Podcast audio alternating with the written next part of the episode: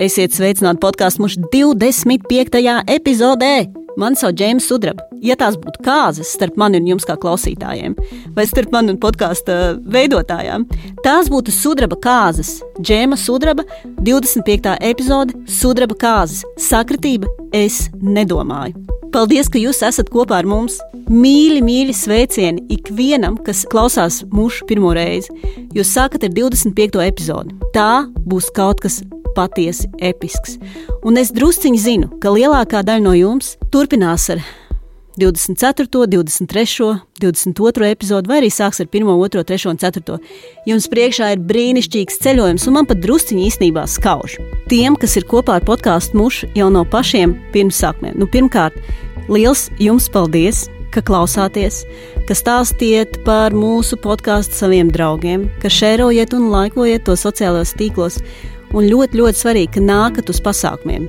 Tagad ir ziemas periods, un arī podkāstu muša kā pārastās mušas. Mēs, protams, esam tādā bišķi ziemas miegā, tikai publicējam iepriekš sarakstītos stāstus, bet pavasarī mēs atsāksim savu aktīvo darbību. Un tas, ka jūs nākat uz pasākumiem, tas, ka jūs pērkat biļetes, ļauj mums kvalitatīvāk darīt savu darbu un principā reizi mēnesī tomēr nopublicē to podkāstu. Agrāk cilvēki ritīgi sūdzējās par to, nu, kāpēc vispār nekad nevar saprast, kad būs nākamā epizode, kāpēc tik ilgi ir jāgaida un tam līdzīgi. Nu, tagad mums tas izdodas pateicoties jūsu atbalstam, un, protams, arī pateicoties tam, ka mums komanda ir kļuvusi tāda plašāka un lielāka.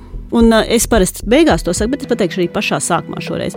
To, ka podkāstu mušu komandā esmu es Džēma Sudraba, Mārta Herca, Agata Mežula, Anita Valaina, Anna Katrīna Elme un Linards Romka. Gada sākums ir diezgan skumīgs laiks. Nu, pirmkārt, visa nauda ir iztērēta Ziemassvētku dāvanās. Dažiem ir drusciņi tā kā vainas sajūta par to, ko viņi sadarīja Ziemassvētku brīvdienās, tāpēc, ka viņi bija ieplānojuši izdarīt visādas lietas, uzrakstīt akadēmisko rakstu, uh, iesniegt varbūt kādu projektu, lai dabūtu papildus finansējumu podkāstu finansēšana. Uh, nu, labi, es te par sevi sāku runāt.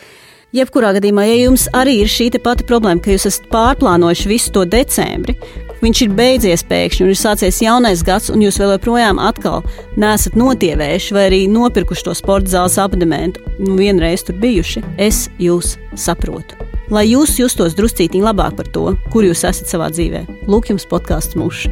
Šī epizode saucās Nepareizie. Labs gada sākums, vai ne?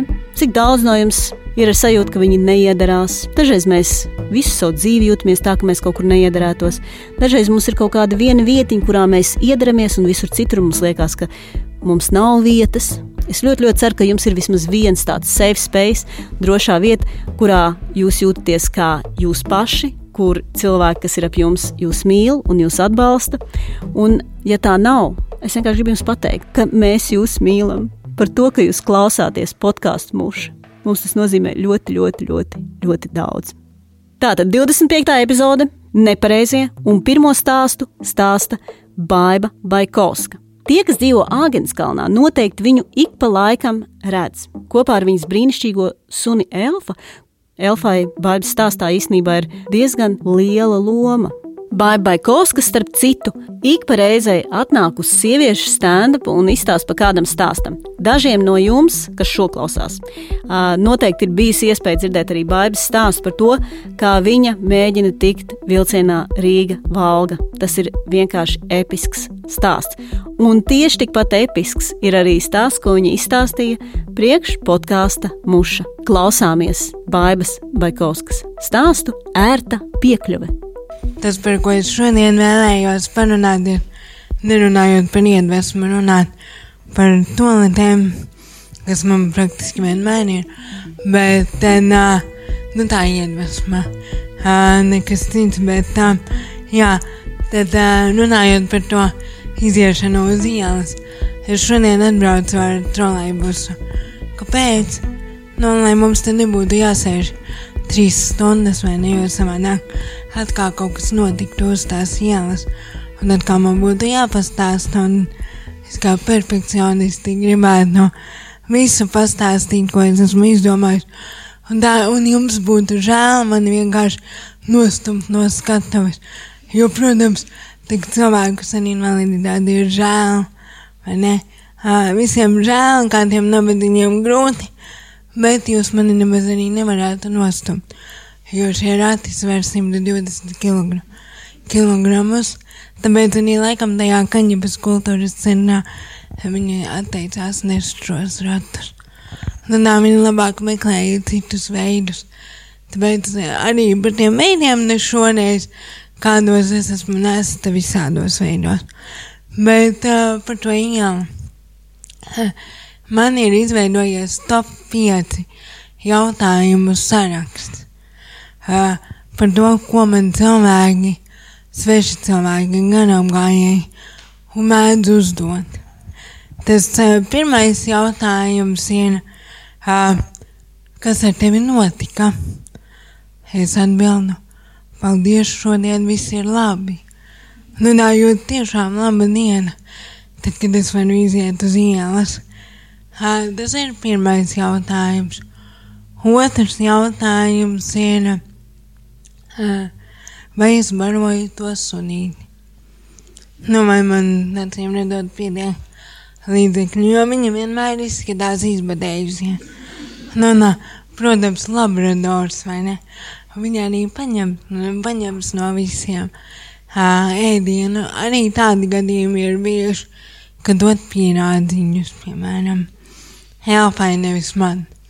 Jo, protams, jo es jau tā jau neizskatos izbadējis, ja. Bet tā, jā, arī padzerties parasti no Helpai, nevis man, par vēl, par velti. Uh, jā, nekad neprasa naudu uh, dod naudu viņai. Uh, no naudas viņa atsakās. Uh, nav pierādījumi. Bet uh, tāda vai es baroju to suni. Un trešais jautājums, vai es redzu, vai ne? Kāpēc? Tāpēc, ka ir pierasts, ka suņi parasti ir neredzīgiem cilvēkiem. Un, un tad es vienkārši iztēlojos, kā es pa ielu braucu neredzīgai elektriskajos, elektriskajā ratiņkrēslā ar desmit kilometriem stundā. Suns skrien, skrien, skrien no muguras. Jā, jā. Saprotiet, skrien no muguras. Un, un es tur dabru. Un es tad brīnos, kā es vispār esmu dzīva palikuši. sevi, sevišķi te mēs ar, ar džemu, kad parunājām par to, nu mums te remontēja, vai ne? Un tad, ja es neredzīga mēģinātu tur tikt, nu, nu tad man būtu jābūt kaskadieriem ratiņkrēslā. Bet, um, jā, tad tas ir trešais jautājums. Ceturtais jautājums ir, kur, un es atgādināšu, tie ir sveši cilvēki. Jautā, kur es dzīvoju. Ne. Tad, kad man ir labā diena, es atbildu. Kad man ir sliktā diena, es pajautāju, kāpēc jums tas interesē. Un vienā dienā es tā arī pajautāju, tikko biju sastrīdējusies ar kādu pa, telefo pa telefonu kāds pārsteigums, vai ne? Es arī strīdos. Tātad es sastrīdējos, tas atbildēju sievietei, kāpēc viņai interesē, kur es dzīvoju. Laikam nejaukā tonī, jo viņa pagāja nost un teica, es gan domāju, ka visi cilvēki ratiņkrēslos ir jauki. Laikam es nebiju jauka. Um, nē, nē, bet es paskrēju Tā bija veca kundzīte, es viņai paskrēju pakaļ un atvainojos. Tātad, bet otrs variants ir tad, kad man ir labā diena un es atbildu, vai ne, jo es taču esmu sociāli atbildīga. Un man vajag pastāstīt, kā arī tie cilvēki ar invaliditāti dzīvo. Nu, lūk. Un tad es uh, stāstu, vai ne, ka es tur īrēju dzīvokli. Rajonu un adresi nenosaucu. Nu, jo man nevajag, lai nāk pie manis ciemos. Bet tā, jā, tad, tad es pastāstu. Man jautā, kurā stāvā droši vien pirmajā vai ne? Zunēja ceturtajā. Kā, jau, kā, tad, kā tu tiec augšā? Es saku, nu kā? Man pie balkona ir troses. Nē, es nejokoju. Tas nav smieklīgi. Man pie balkona ir troses. Es eju fitnesā. Tad es uzvelkos augšā, pa tam trosēm uzrauju sunīti, kurš jau ir pie tā pieradis. Un tad 120 kg smagu ratiņkrāsu. Un tā vismaz trīs reizes dienā. Jo viņai jāiet trīs reizes dienā ārā. Nu, un tad es varētu veikt sociālo eksperimentu, kurā brīdī cilvēki beidz man ticēt. Vai ne? Jo, jo viņi saprot, ka viņu zāzē. Um, jo, nu, loģiski, ka ir lipts vai ne. Vienkārši uzspiežu podziņu un uzbraucu augšā. Nu tā, tad tas bija ceturtais jautājums. Piektais jautājums ir, un es nezinu, vai jums to uzdot. Atgādinu vēlreiz, sveši cilvēki uz ielas. Nekad neredzēt. Pazīstamiem man neuzdod vairs jautājumus, jo es neesmu jauka. Bet tad, uh, jā, tad tie cilvēki uzdod arī jautājumu, vai tev vajag naudu? Kuram nevajag naudu? vai ne? Es jau gribēju, bet tas būtu mans sapnis, ja viņi man uzdotu šo jautājumu. Man to neuzdod. Viņi vienkārši dod naudu uz ielas. Jā, es nezinu, vai jums svieži cilvēki dod naudu uz ielas, bet man dod. Um, diemžēl dod maz. Nu tā līdz eiro vai ne? Parasti. Un tad es esmu briesmīgi sociāli atbildīga un pastāstu, nu, ka man nevajag, ka es nopelnu, viss ir kārtībā, ka es varētu palīdzēt.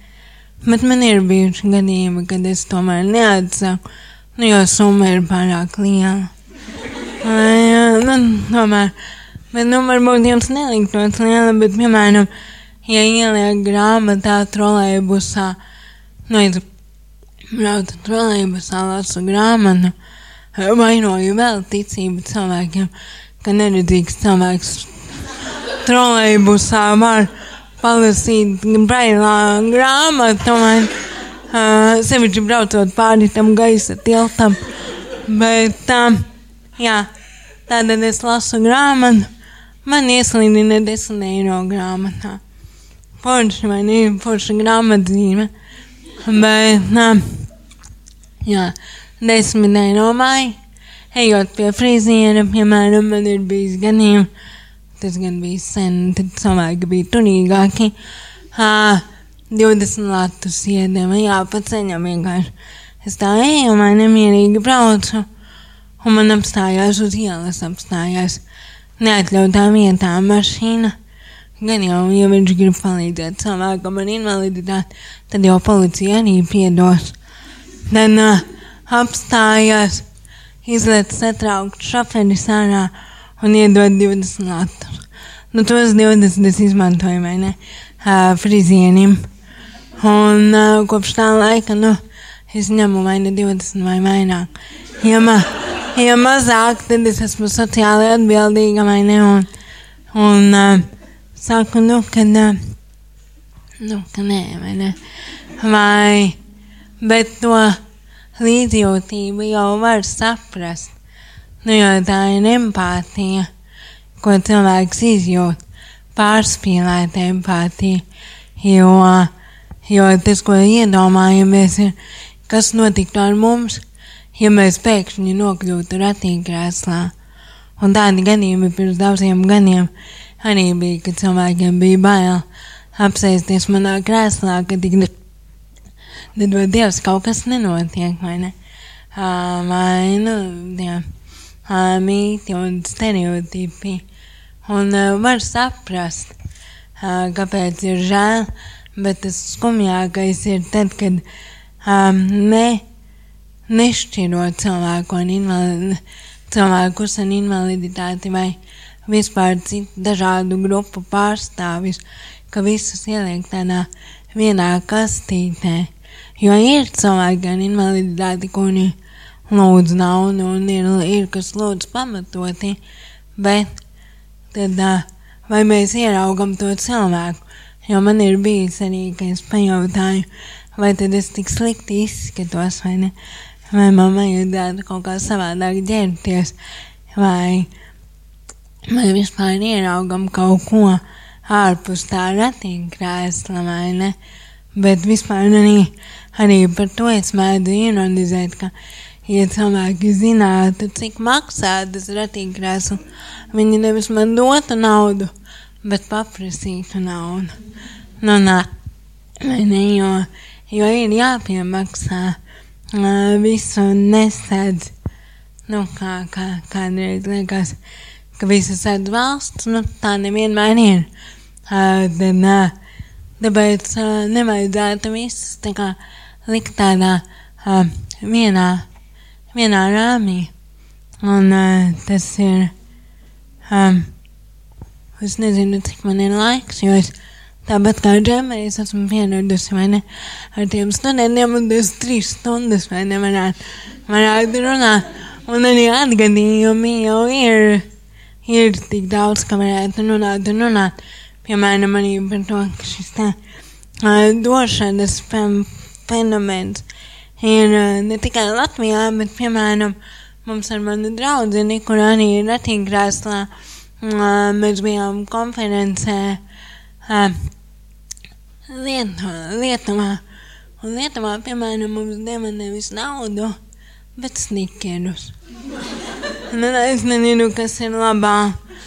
Nu, tā, bet jā, tā, tā, arī ir. Kaut kur vienāda un kaut kur atšķirīga. Bet, jā, tad. Jā, tas ir. Varbūt jums ir kādi jautājumi.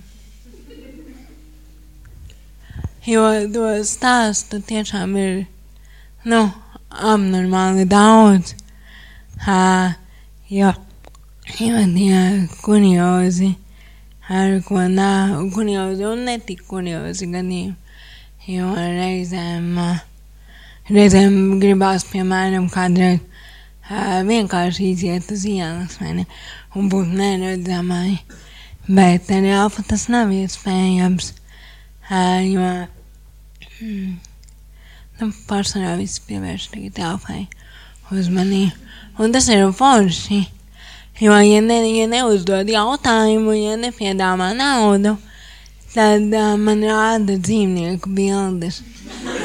nu, nē, jo visi domā, ka ja tev ir suns un ja tev ir izglītots suns, tad uh, tev noteikti gribi parunāties par mājdzīvniekiem, par suņiem, par kaķiem, nē. Man ir jautājums. Tā kā jums nav redzes problēmas, kāpēc jums ir nepieciešams suns? Jo es nepārzinu. Jā, tas ir labs jautājums un iespēja Jā, jautājums bija par to, ka, ja man nav redzes problēmu, tad kāpēc man ir vajadzīga elpa? Kāpēc man ir vajadzīgs suns? Uh, uh, suns man ir vajadzīgs fiziski, fizisku iemeslu dēļ, viņa man palīdz. Viņa man palīdz pacelt lietas. Tikai tāpēc mums mājās ir kārtība, vai ne? Es tad varētu vēl kaut ko atstāt uz ielas. Uh, nevis uz ielas, bet uh, mājās uz grīdas, tad viņa pacēla. Viņa man palīdz uh, pārsēsties no gultas ratos. Otrādi gan nē, bet, nu, uh, bet uh, pa, pacēla naudu, piemēram. Jā, arī lampās, starp citu, bija tāds gadījums, ka viņa pacēla naudu un negribēja atdot saimnieku. Bet, Bet, jā, jā, jā. Un, kad prezidents gāja, mums bija tikšanās ar prezidentu, un mēs tur trenējāmies suņu paraugu demonstrējumu, tad viņa arī, um, nu, norīt uh, 20 cenu, nevis pacēla uh, un atdeva. Uh, bet tad mēs ar treneri smējāmies, ka tas viņai saldējumam. Bet, uh, Bet, jā, jā, viņa man tāda pacēla lietas, palīdz uh, pārsēsties, atnes mobilo telefonu krīzes situācijā. jo es esmu reāli bijusi no viņas atkarīga, vai ne? Tad, kad es savādāk nebūtu dabūjusi palīdzību. Uh, un uh, mīļākā viņas nodarbošanās ir izģērbšanās. Viņa man palīdz noģērbties. Viņai teicu, šī sezona ir tieši viņas, jo viņa palīdz novilkt jāku, palīdz novilkt bikses, zeķi ar zeķu biksēm grūtāk. Nu, tikai ekonomisku iemeslu dēļ.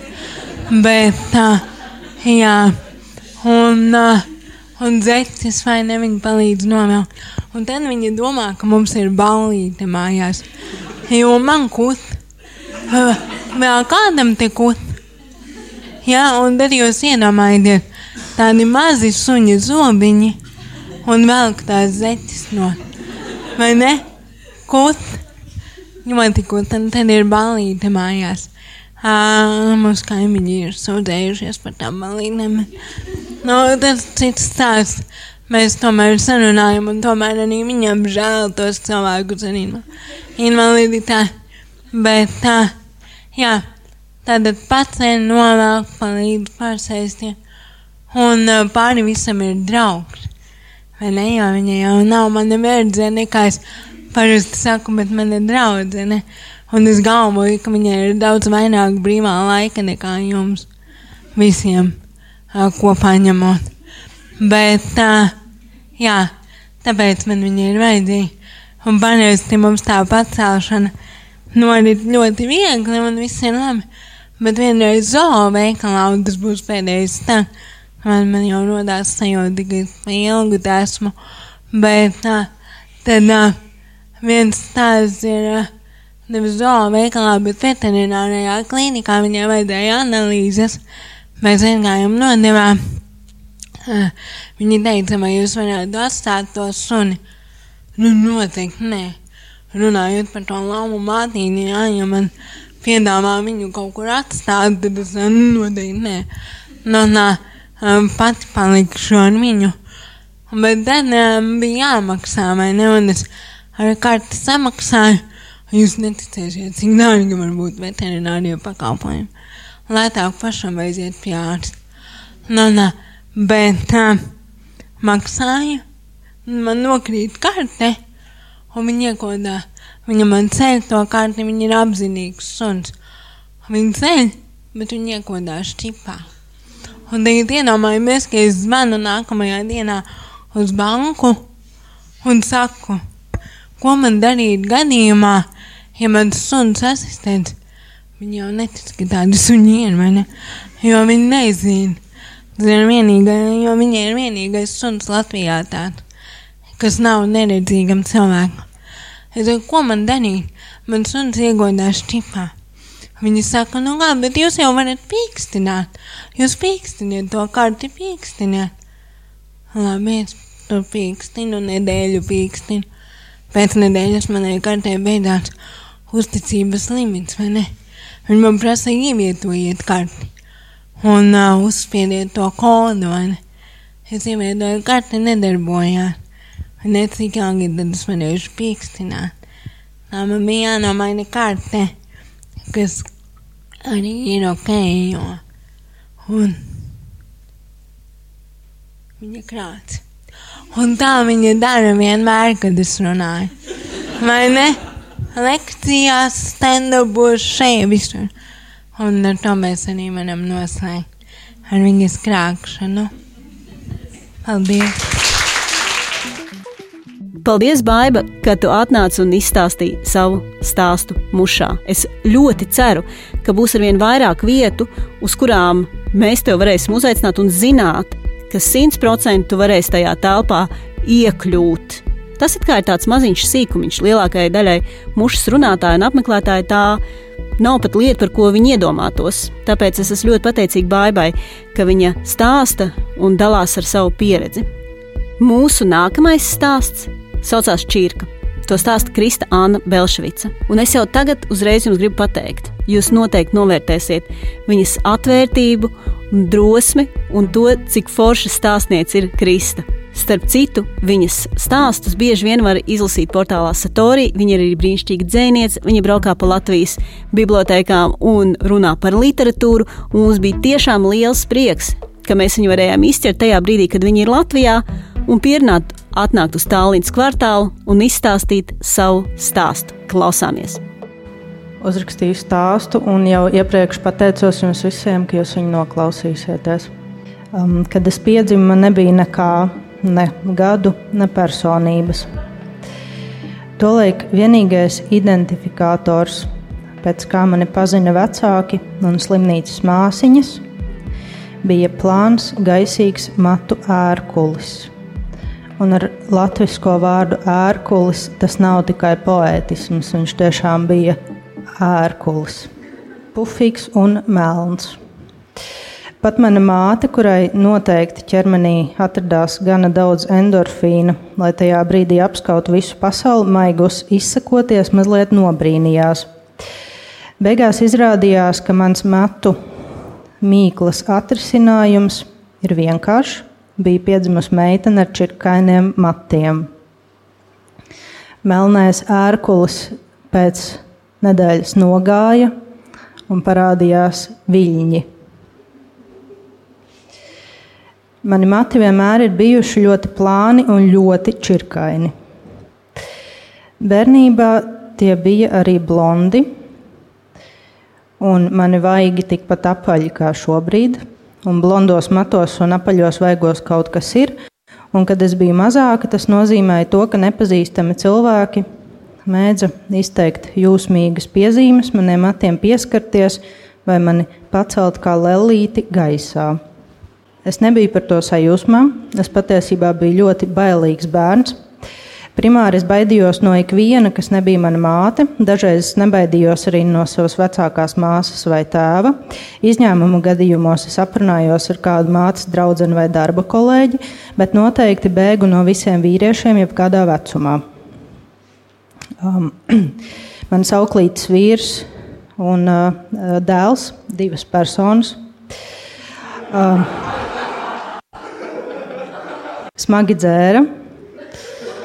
Um, dažkārt mums ar viņiem uz ielas, ar manu auklīti ejot pastaigāties, bija jāprunājas. Tādēļ bailes skaidroja ar šo apstākli. Man bija bail arī no atsevišķām vietām, televīzijas pārraidēm, gleznām, un man vēl ar vienu ir bail no tumsas.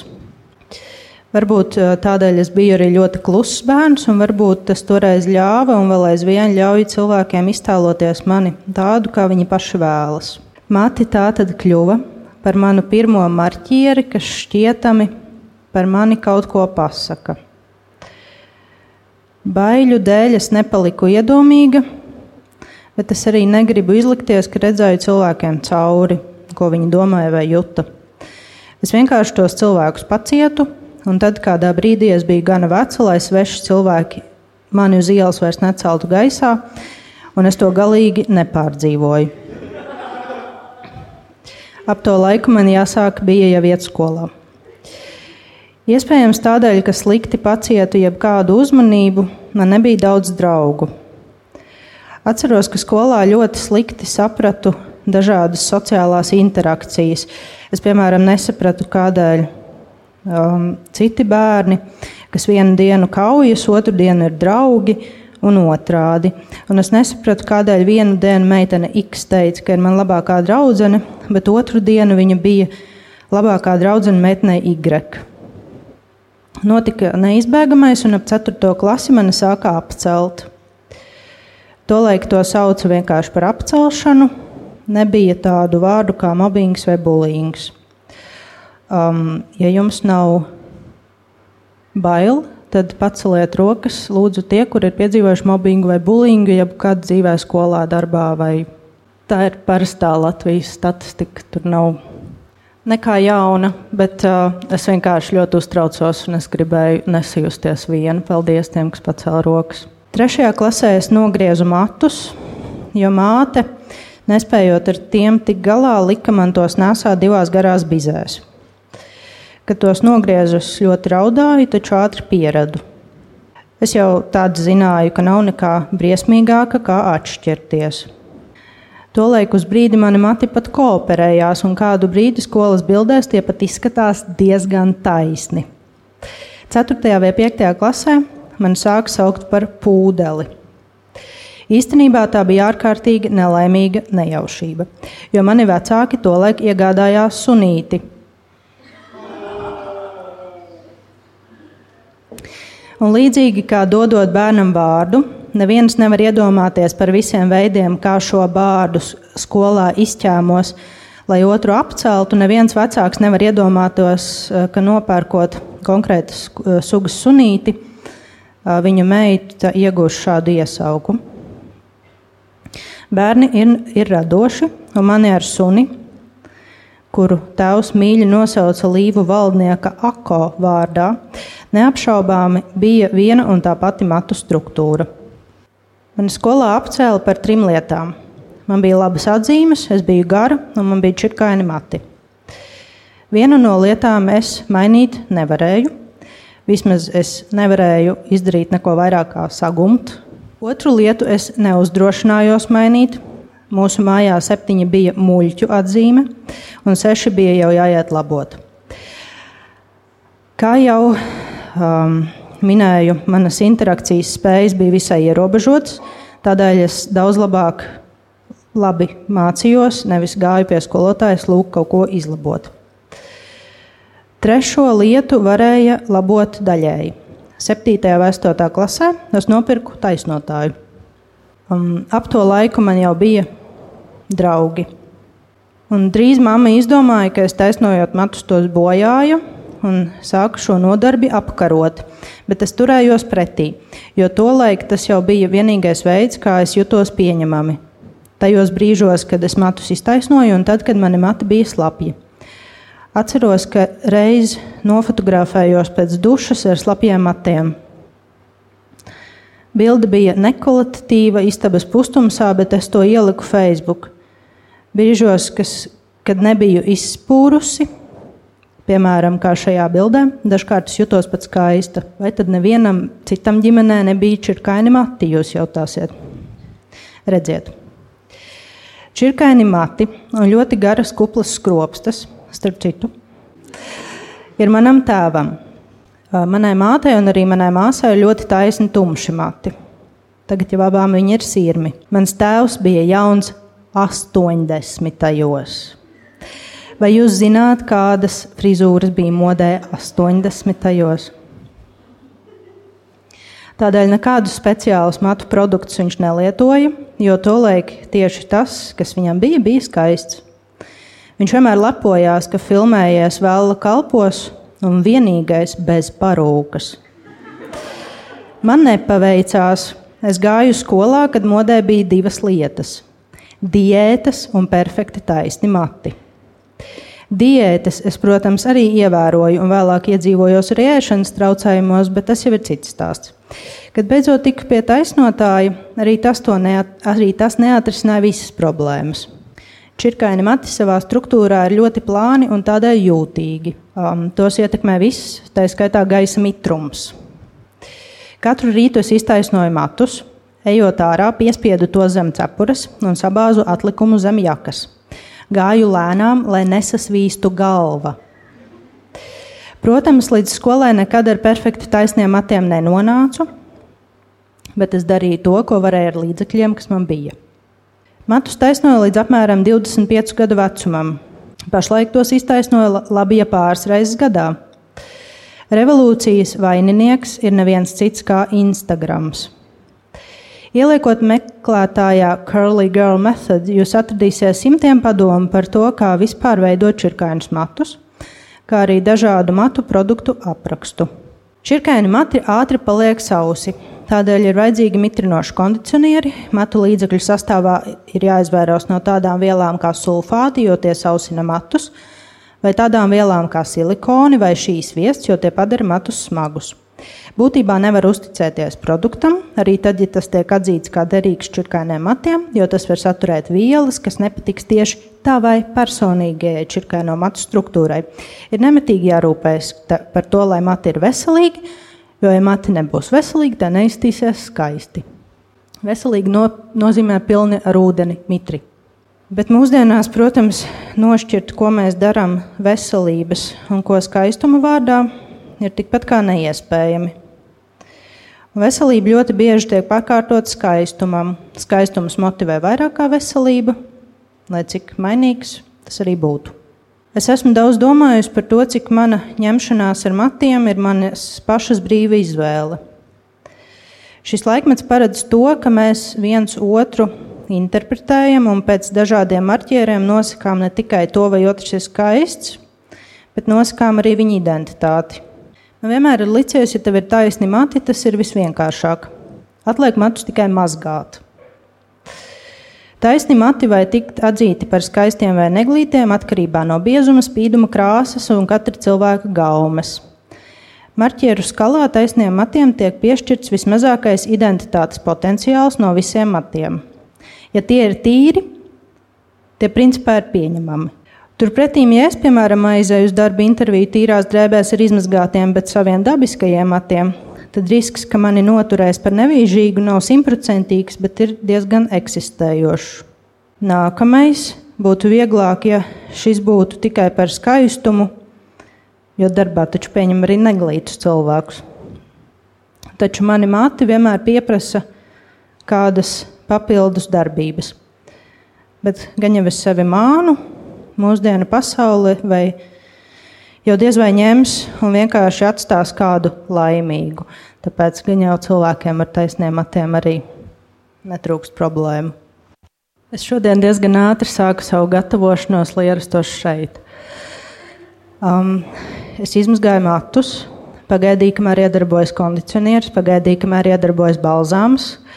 Tad ieliku matos neizskalojamo kondicionieri, uh, pēc tam ieveidoju lokas, pēc tam nedaudz piefiksēju ar žēlēju, un tad izžāvēju, un tad tie mati iegūst savu dabisko formu.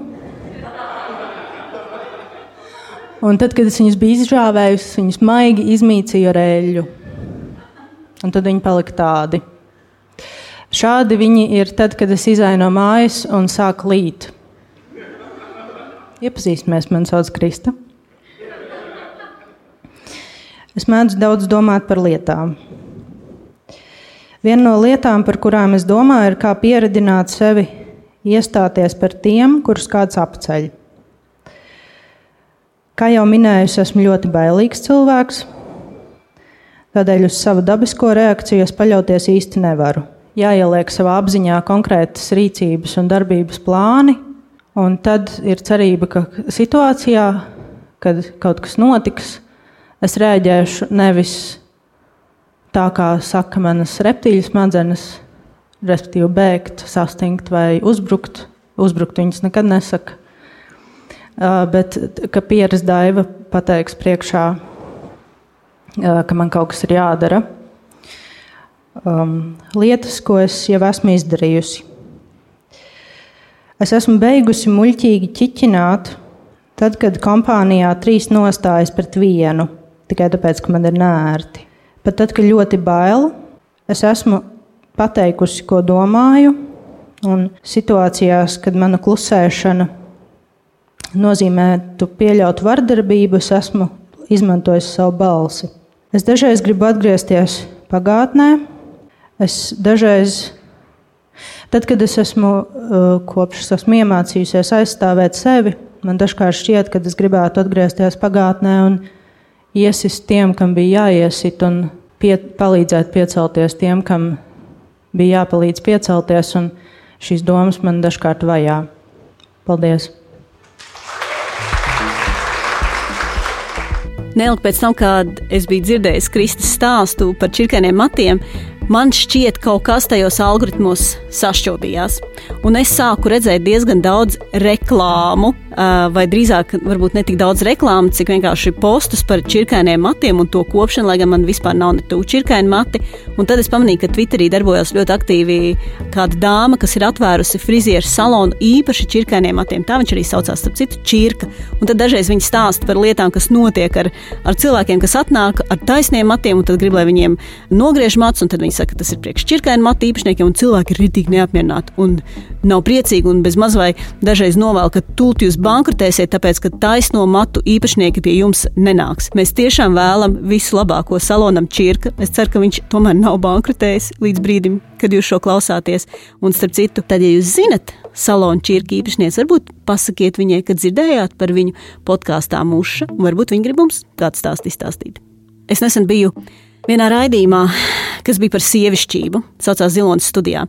Un tur tika uzdots jautājums par to, vai sievišķība tas ir kaut kas dabisks, vai tomēr uh, nu, tas ir tas, ko mēs iemācāmies no socializācijas procesa, no sabiedrības. Un tur bija dažādi viedokļi, piedalījās arī Samanta Tīna, kas izskatījās vienkārši episki. Es nezinu, vai jūs kādreiz Samantu Tīnu esat redzējuši dzīvē. Es jums nevaru to vārdos izstāstīt. Viņa izskatās perfekti. Otrs cilvēks, par kuru es nesaprotu, kā viņš to darīja, ir Kašers, bet nu, tas ir cits stāsts. Šie divi cilvēki vienkārši izstāsta no žurnāla vāka, bet dzīvē. Nu, lūk, un tad mēs tur baigi ilgi runājām par eh, sievišķību un vīrišķību, par to, cik tas ir dabīgi vai nedabīgi. Un, uh, Es biju tādās pārdomās par to, ka, ja sievišķība ir tik šausmīgi dabīga, nu, tāda sievišķība, kā mēs to redzam un iedomājamies mūsdienās, nu, tur, kur sievietē ir salikta kosmētika, eh, iztaisnot mati, kur viņa ir fit un tieva un stilīgi apģērbusies, ja tas būtu tik dabīgi, vai tam nevajadzētu būt bišķi lētāk un bišķi vieglāk? Ko jūs par to domājat? Ko jūs domājat par skaistumu? Kā jūs ar šo dīlojat? Kā jūs ar to tiekat galā? Ja jums ir kāds stāsts par to, atstūtiet viņu uz podkāstu muša. Tātad vai nu Instagram, vai uz podkāstu muša e-gmail.com un atgādināšu, ka jūs varat gan to atrakstīt, gan arī vienkārši atsūtīt balss ziņā. Mēs ņemsim visu. Tie cilvēki, kuriem šī nav pirmā pieredze ar podkāstu mušu, nu jūs jau apmēram esat sapratuši, par ko te runa. Un kad mums tur drusciņi ir arī LGBT propaganda. Nu, kā ir, tā ir. Ko es jums varu teikt? Tāpēc es vienkārši brīdināšu tā, tos cilvēkus, kam nepatīk LGBT propaganda. Nu, šis būs viens tāds sulīgs stāsts, kuru mēs ierakstījām Kaņepes kultūras centrā rudenī. Neilgi pēc tam, kad bija notikusi biseksualitātes redzamības nedēļa un tika atklāta kustība Neons, kuras mērķis ir veicināt B plus cilvēku redzamību publiskajā telpā. Un Paula Zvejniece ir viena no kustības neons dibinātājām un aktīvistēm. Un te nu ir Pauls stāsts, kas saucās Totāli hetero. Septembris ir pasaules biseksualitātes redzamības mēnesis. Un tāpēc man ir īpašs prieks šodien piedalīties podkāstā Mūša un pastāstīt jums mazliet par to, ko nozīmē būt par biseksuālu cilvēku. Jo es minēšu, ka ļoti daudziem gan klausītājiem, gan arī skatītājiem šodien nav pārāk labas izpratnes par to, ko nozīmē būt biseksuālam. Un es šeit nedomāju tikai to, ka man patīk, kā Džema teica, pimpis un peža, kas man patiešām patīk. Es šeit domāju arī to, ka man patīk sievietes un vīrieši. Um, kas nozīmē, ka patīk tie cilvēki, kas ir piesaistīti uh, attiecīgajam pimpim un attiecīgajai pežai. Un, uh, es jums gribētu pastāstīt par to, kā es nonācu pie tā, ka es esmu biseksuāla. Un mans stāsts ir ļoti, ļoti līdzīgs. Es gribētu teikt, LGBT klasika. Šādu stāstu jūs būsiet dzirdējuši jau daudz. Uh, Un tas nozīmē to, ka tad, kad man bija apmēram 14 gadi, man bija labākā draudzene. un mēs bijām ļoti, ļoti, ļoti labas draudzenes. Tikai draudzenes ļoti labas toties. Es iepazinos ar viņu tad, kad man bija 14 gadi. Un šodien es šeit stāvu un jūtos salīdzinoši par sevi pārliecināta. Bet 14 gadu vecumā es biju mazliet tīzla, mazliet dīvaina īsti nemācēja iedrēties, kā jau daudz pusauģi, bet man likās, ka es esmu izlāka par pārējiem. Un, um, un viņa bija. Um, Nu, viņa bija viskaistākā meitene, ko es jebkad līdz šodienai esmu satikusi. Viņa satika mani pirmo reizi, un tad pavadīja mani no miera ielas līdz uzvaras parkam tajā pirmajā vakarā. Viņa man stāstīja, viņa mācīja stāstīt tādas fenomenāli interesantas lietas. Viņa mācīja stāstīt par mūkiem Tibetā, kas prot sevi iesaldēt uz gadiem. Es nemaz nezināju, ka viņi tā var darīt. Jūs zinājāt? un viņa mācīja man stāstīt par modi, par mūziku, un par roku. Es tajā visā klausījos, un visticamāk, tajā brīdī arī iemīlējos. Bet es to, protams, nezināju. Un mēs ar šo sievieti bijām ļoti, ļoti labas draudzenes, ļoti, ļoti daudzus gadus. Un mēs bijām tādas labākās draudzenes, kuras vienotrai teica, ka viņi viens otru mīl. Tādas labākās draudzenes, kas turējās rociņās, kas plānoja kopīgu nākotni. Mēs bijām arī tādas labākās draudzenes, kurām bija sekss.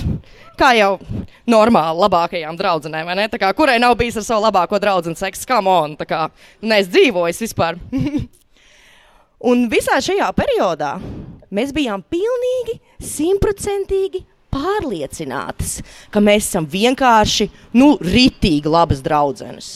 Nu, tā kā, bet nu, ļoti labas draudzenes. Vienkārši nu, ļoti, ļoti, ļoti, ļoti labas divas meitenes, kam vienkārši labi sapas. Un retrospektīvi, kā pieaugušs cilvēks, es skatos uz to situāciju, un es domāju, kā ir iespējams, ka pilnīgi neviens mums apkārt, ne vecāki, ne skolotāji, kā var būt, ka neviens to nepamanīja? Come on! Tā kā mēs staigājam, mēs, mēs plānojām kopīgu nākotni. Es plānoju pavadīt atlikušo mūžu, esot viņas labākā draudzene. Tā kā for real, what the fuck? Es atvainojos, nedrīkst laikam lamāties. Ja? Džēmis saka, drīkst lamāties. Tā kā, un, uh, un jūs varat iedomāties, un, un retrospektīvi es ļoti daudz esmu domājis par to, ka ja viņa būtu bijusi pretējā dzimuma, viņa būtu bijis vīrietis, pilnīgi neviens nebūtu palaidis garām, ko nozīmē divi pusauģi, kas viens otram saka, es tevi mīlu, es vēlos pavadīt ar tevi atlikušo mūžu. Un kam arī tā, tā skaitā ir seksuāls attiecības vienam ar otru. To gan mēs jāsaka nestāstījām mammai. Un, uh, un ziniet, kas notika? Mans dzīves lielākais lūzuma punkts notika tajā brīdī, apmēram pēc pieciem, sešiem gadiem, kad mēs jau bijām labākās draudzenes, kad viņai uzrādījās puisis. Fak, ne? Šit. Jā, viņai uzrādījās puisis, un viņa bija ļoti, ļoti, ļoti laimīga. Viņa man stāstīja, cik viņa ir iemīlējusies, cik viņš ir brīnišķīgs un darīja visas tās lietas, ko normāli stāstīt savai labākajai draudzenei un es viņu nevarēju ciest. Līdz šodienai es kaina viņu ienīstu. Tā kā, es viņu desmit gadus neesmu redzējis, bet es joprojām viņu ienīstu ar tādu kaislību, ar kuru es reti esmu ienīdus kādu cilvēku. To nabaga džeku, kurš vispār, ja godīgi, nu, nebija ne pie kā vainīgs. Un, um, un viņai parādījās puisis, un es nekādu, nekādu nespēju ar to tikt galā. Un tās attiecības beidzās uz ļoti, ļoti, ļoti melnas nots. Un vēl diezgan daudzus gadus pēc tam es nekādi nevarēju sev paskaidrot savu reakciju. Jo manā prātā, manuprāt, ļoti loģiski, man likās, cik briesmīgam cilvēkam tev ir jābūt. Tā kā cik šausmīgam, briesmīgam draugam tev ir jābūt, lai tu nepriecātos par savas labākās draudzenes laimi. Tā kā, ko tas saka par mani? Ja es nespēju priecāties par savas labākās draudzenes laimi. Vēl ilgus gadus pēc tam man neveidojās jaunas draudzības. Tāpēc, ka es vienreiz biju izgājis tam cauri, ko nozīmē, kad draudzība izjūg. Un es ļoti labi zināju, ka tas emocionālais risks ir daudz par daudz liels. Un tad pagāja gadi, Es apprecējos ar vīrieti, diemžēl, sorry. Es apprecējos ar brīnišķīgu vīrieti, un tad, kad es biju ar viņu jau vairākus gadus precējusies, kaut kādā brīdī es sāku ļoti nopietni domāt par to biseksualitāti. Tāpēc, kad, tas lūzuma punkts notika, ja, ja pavisam atklāti, tīri tāpēc, ka es nezinu, vai kāds šeit no klausītājiem vai kāds no skatītājiem dažkārt apmeklē tās īpašās uh, interneta lapas ko tu apmeklē, tad, kad tu esi tumsā un viens parasti, e, kurās ir dažādi e, pliki cilvēki un viņi dara visādas foršas lietas. Es nezinu, kā jūs, es dažkārt apmeklēju, un es vienā brīdī sāku ļoti intensīvi apmeklēt tās lapas, kurās visu laiku darbojās tikai sievietes. Un vienreiz, otrreiz, trešo reizi, astoto reizi, nu jau pavisam daudz. Nu, kā, nu, šis jau sāk kļūt par baigo aktivitāti manā dzīvē. Tas reāli aizņem laiku, un es nevaru citas lietas darīt. Un, un, un, un vienā brīdī tu skaties uz to un sāc domāt, nu, laikam man tomēr interesē tās sievietes. Un tad um, šajā kontekstā, tajā brīdī, kad tu saproti, ka tev interesē sievietes seksuāli, pēkšņi man notika tas klikšķa moments, kurā pēkšņi tu sāc skatīties uz sevi. Un tu sāc skatīties uz tām attiecībām, kas tev ir bijis visu dzīvi, un tev ir tas moments, kurā tev ir tas, oh, fuck. Ah, tas ir tas. Un tajā brīdī tu sāc pārvērtēt tās attiecības, kas tev bija ar to meiteni toreiz, tad, kad tur viņi iepazinies, ka tev bija 14 gadi, un viņa bija tik skaista, viņa mācīja stāstīt visas tās lietas, un tev bija sajūta, ka tad, kad viņi ienāk telpā, visa telpa sāk garšot pēc viņas. Un tad tu sāc skatīties atpakaļ, un tu saproti, ah, tad tā bija mana pirmā mīlestība. Re, kur viņi ir. Un visu laiku likās, ka tas bija kaut kāds cits cilvēks. Izrādās, nē. Un tas interesantais stāsts ar biseksualitāti ir tas, ka ar to nepietiek. Es nezinu, vai kāds no klausītājiem vai kāds no skatītājiem ir biseksuāls. Bet dīvainā kārtā vajadzētu pēc teorijas būt tā, ka tajā brīdī, kad mēs apzināmies, ka mums ir spēja mīlēt gan vīrieti, gan sievieti vai citu dzimumu cilvēkus, ar to principā sarunai vajadzētu beigties. Nu, tā kā, ok, jā, viss ček, ček, vīrietis ček, sieviete ček, viss kārtībā, esam biseksuāļi. Bet realitātē tas nekāpēc tā nenotiek. Un, un es zinu, ka es vēl diezgan ilgus gadus pēc šīs apjausmas sevi raksturoju kā heteroseksuālu sievieti, kurai patīk sievietes. Kas ir diezgan debīla mentāla akrobātika, ar ko cilvēkam nodarboties savā brīvajā laikā. Tāpēc, tā biseksualitātes realitāte ir tāda, ka, lai gan tu kā atbilst kaut kādiem kritērijiem, tu nekad īsti nejūties, ka tas vārds var attiekties uz tevi tu nekad nejūties, ka tu esi kaut kāds gana biseksuāls vai gana labs, lai tas uz tevi varētu attiekties. Tu sāc domāt, nu, tā kā, ok, man piemēram, tā pirmā mīlestība, bet, nu, seks man tā kā vairāk ir ar čaļiem. Nu, tā kā, tad tas varbūt neskaitās. Un tad tu saproti, nu, kā, ja man būtu seks tikpat daudz ar sievietēm, kā būtu ar vīriešiem, tad mums ir tas mīlestības jautājums. Un ko tu vispār dari tad, ja tu satiec cilvēku un tu gribi ar viņu pavadīt atlikušo mūžu? Vai tajā brīdī tev biseksualitāte beidzās? Nu, tā kā, Loģiski, nē, bet sajūtu līmenī tas tā šķiet. Un vēl pirms kāda gada Es tajā brīdī, es esmu diezgan aktīva LGBT tiesību jomā. Es tajā brīdī strādāju, nevienu vārdā neminot, vienā no Latvijas, ja ne vadošajā LGBT tiesību organizācijā, tad vismaz vienā no. Un uh, es tajā brīdī viņā jau strādāju, un es biju aktīva, un es gāju un visiem stāstījumiem, bija baigā aktīvis. Un klusībā es gāju pie savas psihoterapeits, un viņai teicu, kā, bet man liekas, ka es meloju cilvēkiem. Man liekas, ka es nejūtos gan biseksuāli. Tas man nedara. Es nespēju, es nespēju sajusties komfortā ar sevi par to. Un viņi man toreiz pateica kaut ko, ko es laikam nekad neaizmirsīšu. Viņa man teica, viņa teica, Pauli, vai tu esi heteroseksuāls? Es saku, nē, nu, stabili, nē. Nu, tā kā again, mēs tos faktus esam nostabilizējuši un tos čeksīšus esam salikuši. Viņa saka, nu jā, bet tu esi darījis visas tās lietas. Tā kā tu, tur, tu, tu ne tikai tev ir bijis seks un mīlestība, tu esi arī apprecējusies ar vīrieti un dzīvojis ar viņu kopā daudzus gadus. Un viņas, un viņi, un viņi, es saku, nu jā, viņi saka, nu tā kā tu izpildīji visus tos ķeksīšus heteroseksualitāti, un kaut kā tu joprojām neesi heteroseksuāli. Un tas bija viņas veids, kā mēģināt man pateikt, ka ķeksīšiem nav absolūti nekādas nozīmes, ne? Ka šis vispār nav par ķeksīšiem. Tas ir vienkārši par to, tev patīk sēdz vai patīk vīrieši. Teorija, easy, faktas. Un pirms gada ap šo pašu laiku manī dzima doma par to, ka varbūt Latvijā ir vēl citi cilvēki, kas jūtās tāpat kā es. LGBT teorijā un LGBT aktīvismā ir tāds termins kā biseksualitātes izdzēšana.